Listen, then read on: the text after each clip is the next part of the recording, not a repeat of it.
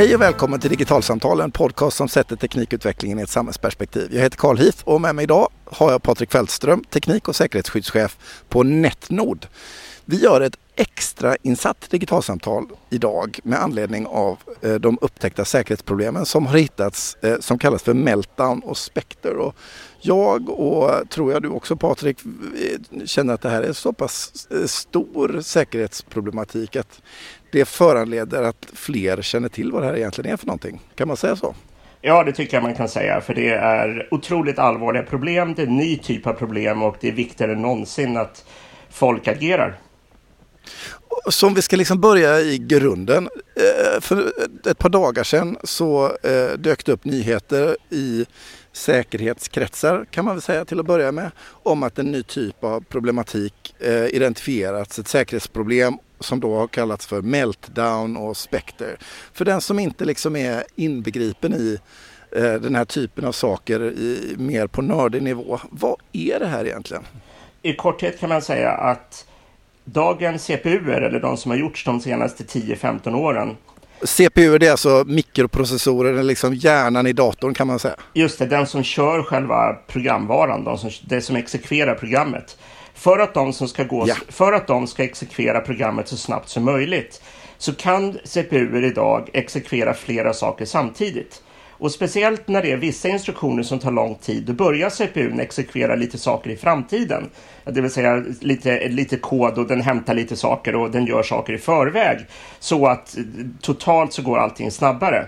Det som nu visar sig ha hänt, det är att de här CPUerna, den här designen man använder, det gör att själva säkerhetskontrollen om CPUn har access till det minnet som den hämtar sker efter det att den gör den här som kallas för att man liksom chansar exekvera lite saker i förväg.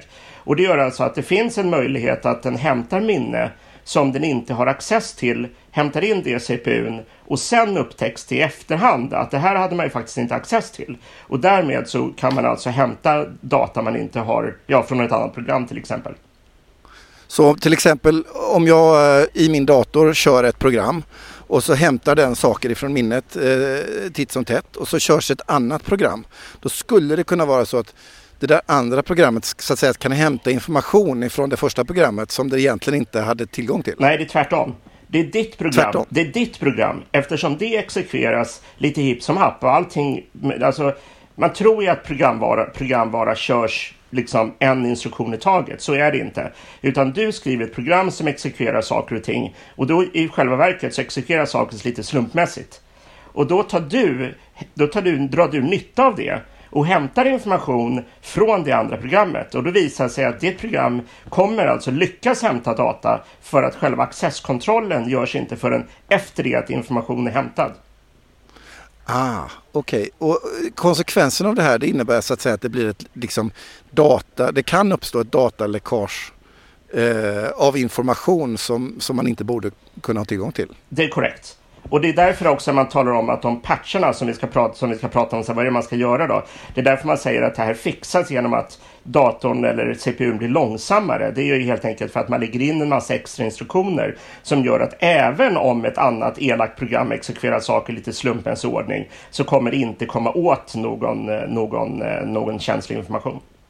Så man kan säga att man har liksom byggt en liksom dataarkitektur som gör att det ska gå liksom snabbare genom att dra liksom eh, ja, dra, lite, liksom, dra runt hörn ganska snabbt. Och nu upptäcker man att de där liksom, snabbhetsfixande åtgärderna helt enkelt ökar eh, säkerhetsrisken och nu måste man så att säga, dra tillbaka det lite grann igen. Det är korrekt. Det vill säga det här att exekvera kod i slumpmässig ordning och inte en instruktion i taget. Det gjorde datorerna snabbare men det skapar säkerhetsproblem. För man vet inte i förväg, om jag överdriver lite grann, nu är det inte riktigt så här det funkar, men man kan säga att vi kan inte ta risken att exekvera kod som du inte har rätt att exekvera. Det vill säga du tar en genväg utan att kolla om du får gå in på den vägen, så kan man säga.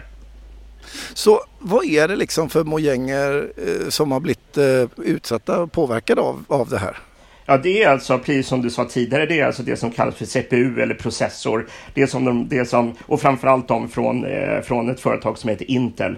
Och det är alltså processorer som sitter precis allting som vi kör datorprogram i. Allt från tv-apparater, eh, lampor, datorer, eh, tv-kameror, brödrostar, allt, allt.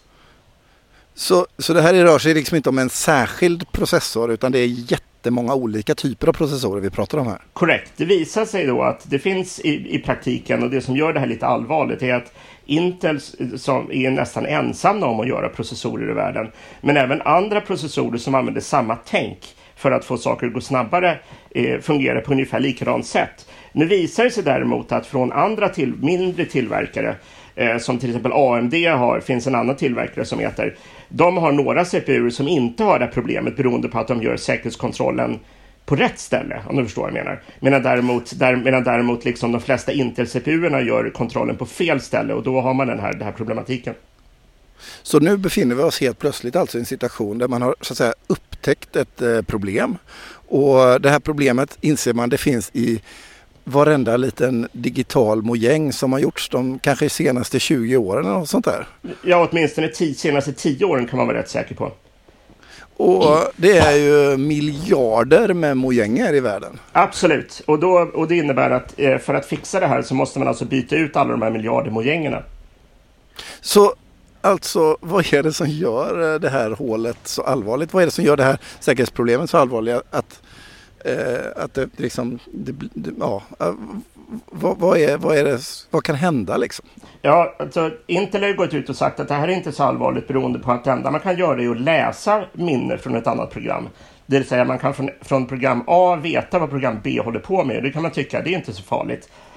Men om då program B till exempel håller på med lösenord eller gör din banktransaktion eller håller på med din bank-id eller motsvarande eller hanterar dina lösenord. I så fall kan ju då ett, ett, det här programmet som tjuvlyssnar, då kan du få reda på vad ditt lösenord är och sen kan man i nästa steg med hjälp av det lösenordet ta sig in på datorn och göra vad man ska göra. Så att även om, även om det är så att man inte, ja det är korrekt, man kan inte skriva saker och programmen kan inte förstöra varandra, men genom att tjuvlyssna så kan man komma över känslig information. Och det här kan ju vara vilken information som helst egentligen som finns i vilken dator eller maskin eller mojäng som helst. Ja, ja, det, det är helt riktigt.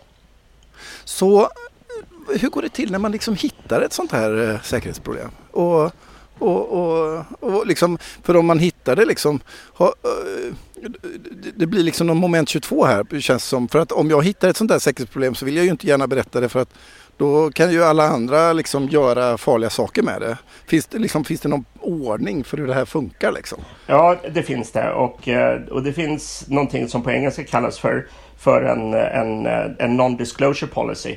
Vilket, eh, vilket man bör ha i alla företag och, och, man har regler för hur man gör för att eh, sprida den här typen av upptäckter vidare, vilka man delar informationen med.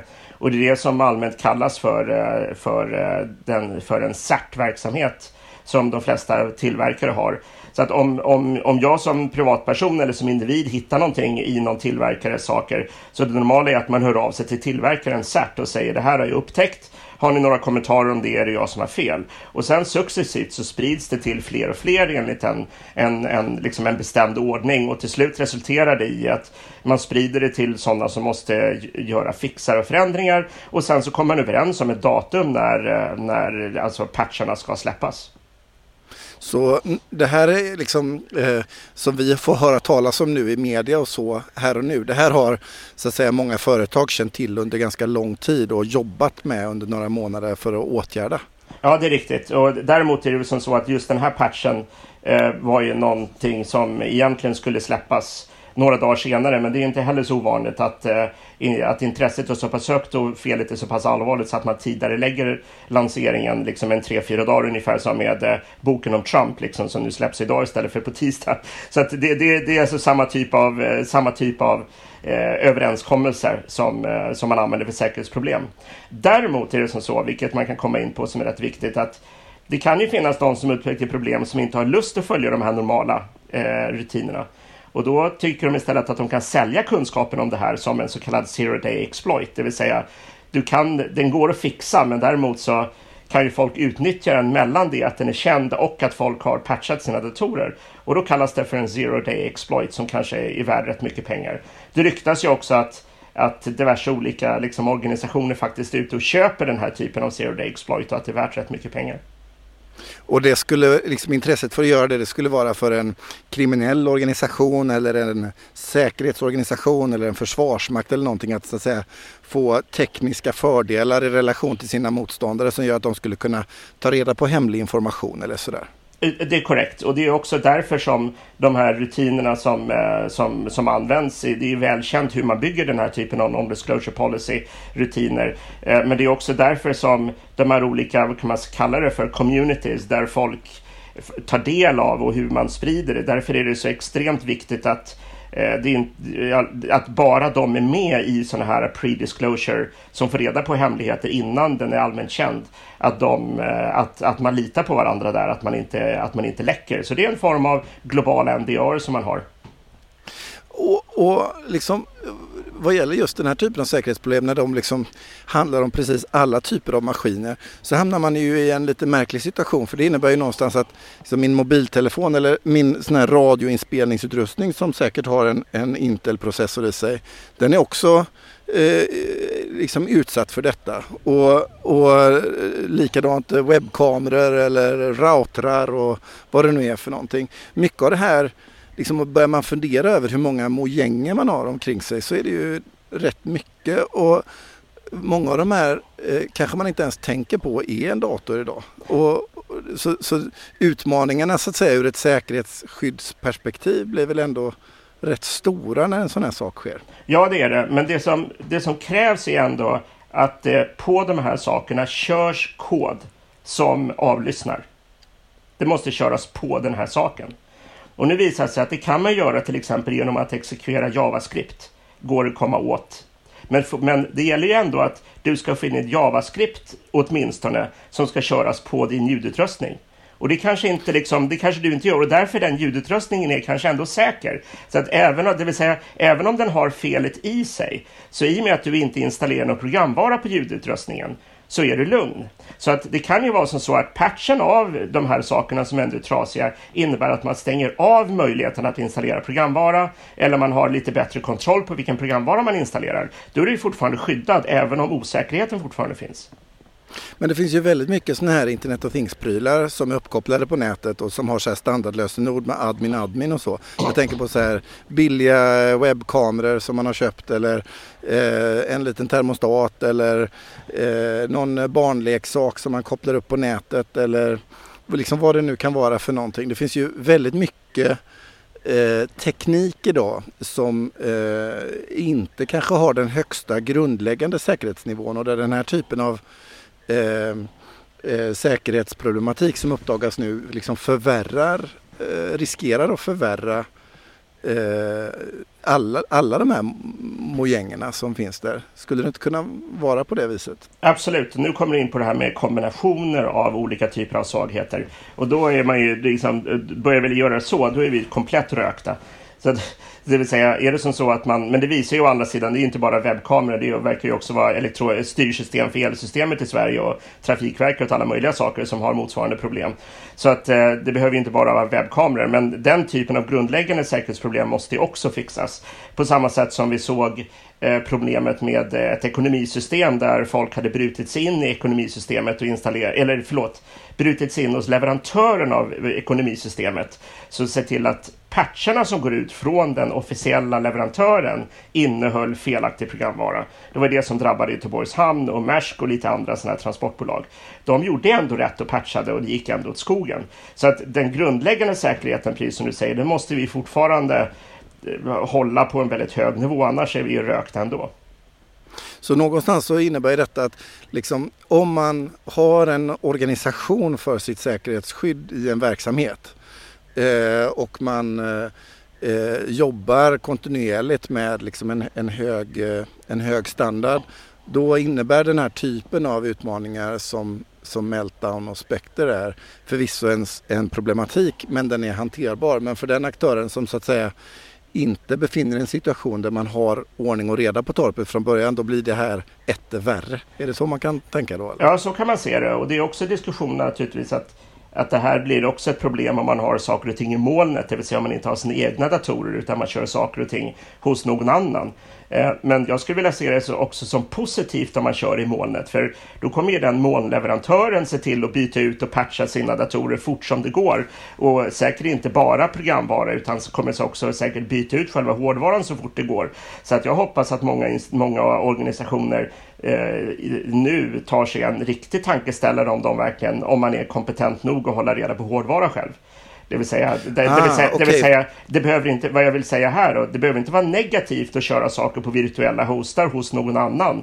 Utan nu gör man det, då är det ju den, ja, visst, det är en risk nu fram till dess att den tillhandahållaren har bytt ut sina saker. Men det kommer ju de ju göra fort som de bara kan.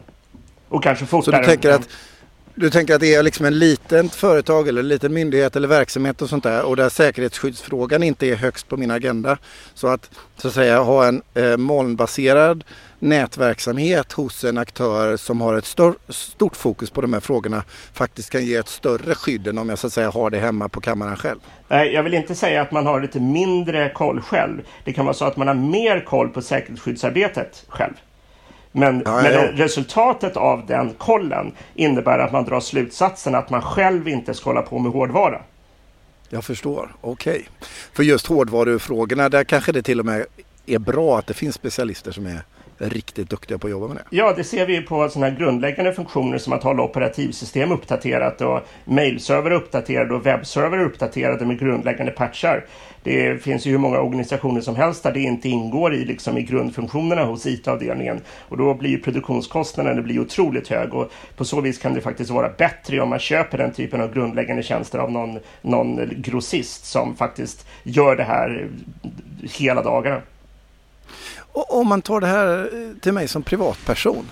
Vad, vad, betyder det här för risker för mig just nu? Vad behöver jag när jag läser om eh, liksom stora löpsedlar här om Meltdown och Spectre och jag själv inte är särskilt IT-litterat men jag liksom tycker det här verkar lite läskigt. Vad, vad betyder det för risker för mig och vad, vad ska jag göra som van, på kammaren? Som vanlig användare och inte bara som privatperson utan också som vanlig organisation så ska man precis som alltid se till att uppgradera sina saker. Så att när leverantörerna släpper sina patchar, vilket de redan har börjat göra, så ska man uppgradera. Så att problemet är ju nu att folk kanske väntar liksom en vecka innan de uppgraderar sina saker. Och det finns ju företag som fortfarande kör operativsystem och, liksom, och inte har patchat saker sedan Andra Dazumal. Och jag ser ju vänner som har eh, sina mobiltelefoner och så tittar man liksom i deras iPhone så står det liksom du har 47 programvaror som du inte uppgraderat. Och liksom, det är inte bra. Man, återigen, man måste hålla sina saker uppgraderade. För att det faktum att leverantörer släpper patchar är inte bara för att få mera blink och lys. Det är också säkerhetsproblem där.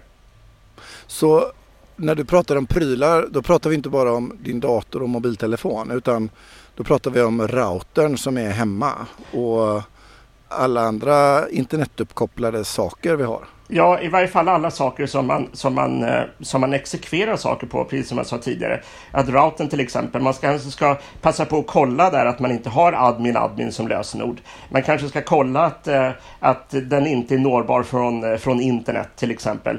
Men det är ju sånt som, redan de två sakerna är lite för komplicerade för en vanlig användare för man kanske inte ens vet var ens router är, befinner sig någonstans. Så då får man ju hoppas att ISPn eller den bredbandsleverantören man har hjälper till med lite rekommendationer. Men det är den typen av enkla saker som man ändå, som man ändå kan göra. Så titta i sin telefon, uppdatera den, uppdatera datorns eh, mjukvara så att den håller sig up to speed. Kolla igenom sitt hem för olika saker som kör olika program och helt enkelt uppdatera dem också. Precis, så att i det här steget som är det första av två, så är Spectrum Meltdown precis för vanliga organisationer och vanliga användare precis samma sak som vilken säkerhetsbugg som helst. Uppgradera din programvara. Om jag då är en myndighet eller ett större företag eller liksom har en samhällsviktig funktion Uh, och jag och leker med tanken att uh, du pratar med någon som sitter i en, en myndighetsledning eller sådär. Vad skulle, du, vad skulle du säga till en sån aktör ju, vad gäller just det här? Jag skulle säga precis, jag skulle säga precis samma sak. Se till att uppgradera dina saker. Eh, det, det, liksom, det, finns så många saker som är så dåliga där ute och inte uppgraderade så jag vet inte var jag ska börja någonstans. Så, att, eh, så att det gäller samma sak där. Det intressanta för myndigheter och även privatpersoner kommer i nästa steg. För just det här Spectrum Meltdown, det gör ju nu att nu är det en designproblem på all hårdvara som har producerats de sista tio åren. Och det innebär ju inte bara de här sakerna som redan har sålts, utan det finns ju nu både chip och hårdvara i miljarder som ännu inte är sålda, som ligger på hyllorna hos alla dessa försäljare och på webbsajter överallt. Nu kommer ju de här Intel och andra hårdvarutillverkare börja producera nästa generations hårdvara som inte har spektre, och meltdown-problematiken. Och då kommer ju problemet när du ska köpa saker. Hur vet du att den nya saken du köper inte innehåller den gamla generationens hårdvara utan den nya?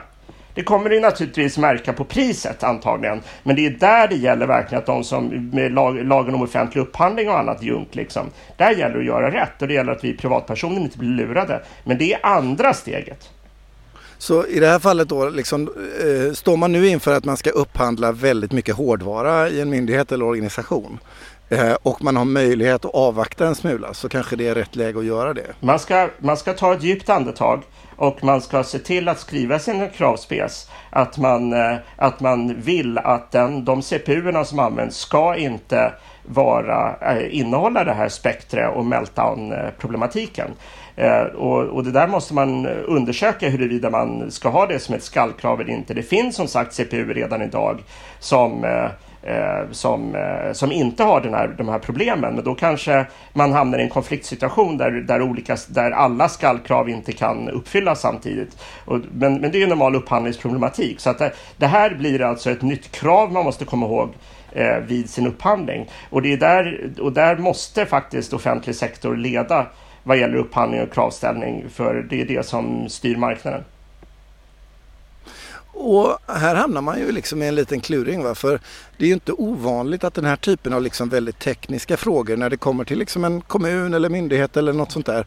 Eh, eh, den kunskapen finns ofta ganska långt ner i en organisation. Eh, medans, eh, liksom, eh, om man inte liksom betraktar det här som affärskritisk eh, verksamhet eh, någonstans. Hur, hur, hur, hur ska man tänka där när det kommer till sådana här frågor? Eh, för, för det är ändå någonstans, i synnerhet om man har liksom ett skyddsvärt material i sin verksamhet så, så behöver ju den här frågan vara levande så att säga. Absolut, och det är därför man måste bedriva ett kontinuerligt säkerhetsarbete och säkerhetsskyddsarbete. Men det är också därför det är så pass viktigt att framförallt de organisationerna som vi har i Sverige som skriver ramavtal som Kommerskollegium och så faktiskt gör rätt och uppdaterar sina, diverse, sina ramavtal med, eh, med eh, rätt tecknade specifikationer. Nu är det en sak som du och jag har pratat om och många andra liksom hur många år som helst där vi ser dåliga tekniska krav i, i, i de här ramavtalen och det är jävligt tråkigt. Men det här är bara ytterligare ett exempel när vissa tekniska krav faktiskt måste in. För i annat fall är det ju liksom, ligger det ju dåligt till alltså. För att det, det, det är väldigt, jag ser en väldigt stor risk att många kommer köpa gammal trasig hårdvara eh, som är känslig för Spectre och Meltdown även om det finns bra att tillgå på marknaden. Det här var eh, väldigt klargörande Patrik. Tusen tack för att du var med i detta lilla extra insatta digitalsamtal. Vi eh, kanske återkommer i de här frågorna eh, längre fram. Eh, men med det här så är eh, dagens eh, podcast slut. Surfa gärna iväg till Facebook och gilla vår sida Digitalsamtal där vi också postar alla avsnitt och annat. Vi finns på Facebookgruppen Digital samhällskunskap där ni gärna får diskutera samtalen så som det här som vi har. Och har ni en fråga till oss, tveka inte att höra av Eh, vi finns på Twitter på ett digitalsamtal och är det så att ni prenumererar på podden i en poddspelare så gå gärna in och recensera och betygsätt för då hamnar vi högre upp i sökresultat och fler får möjlighet att hitta till oss. Men till nästa gång, hej då!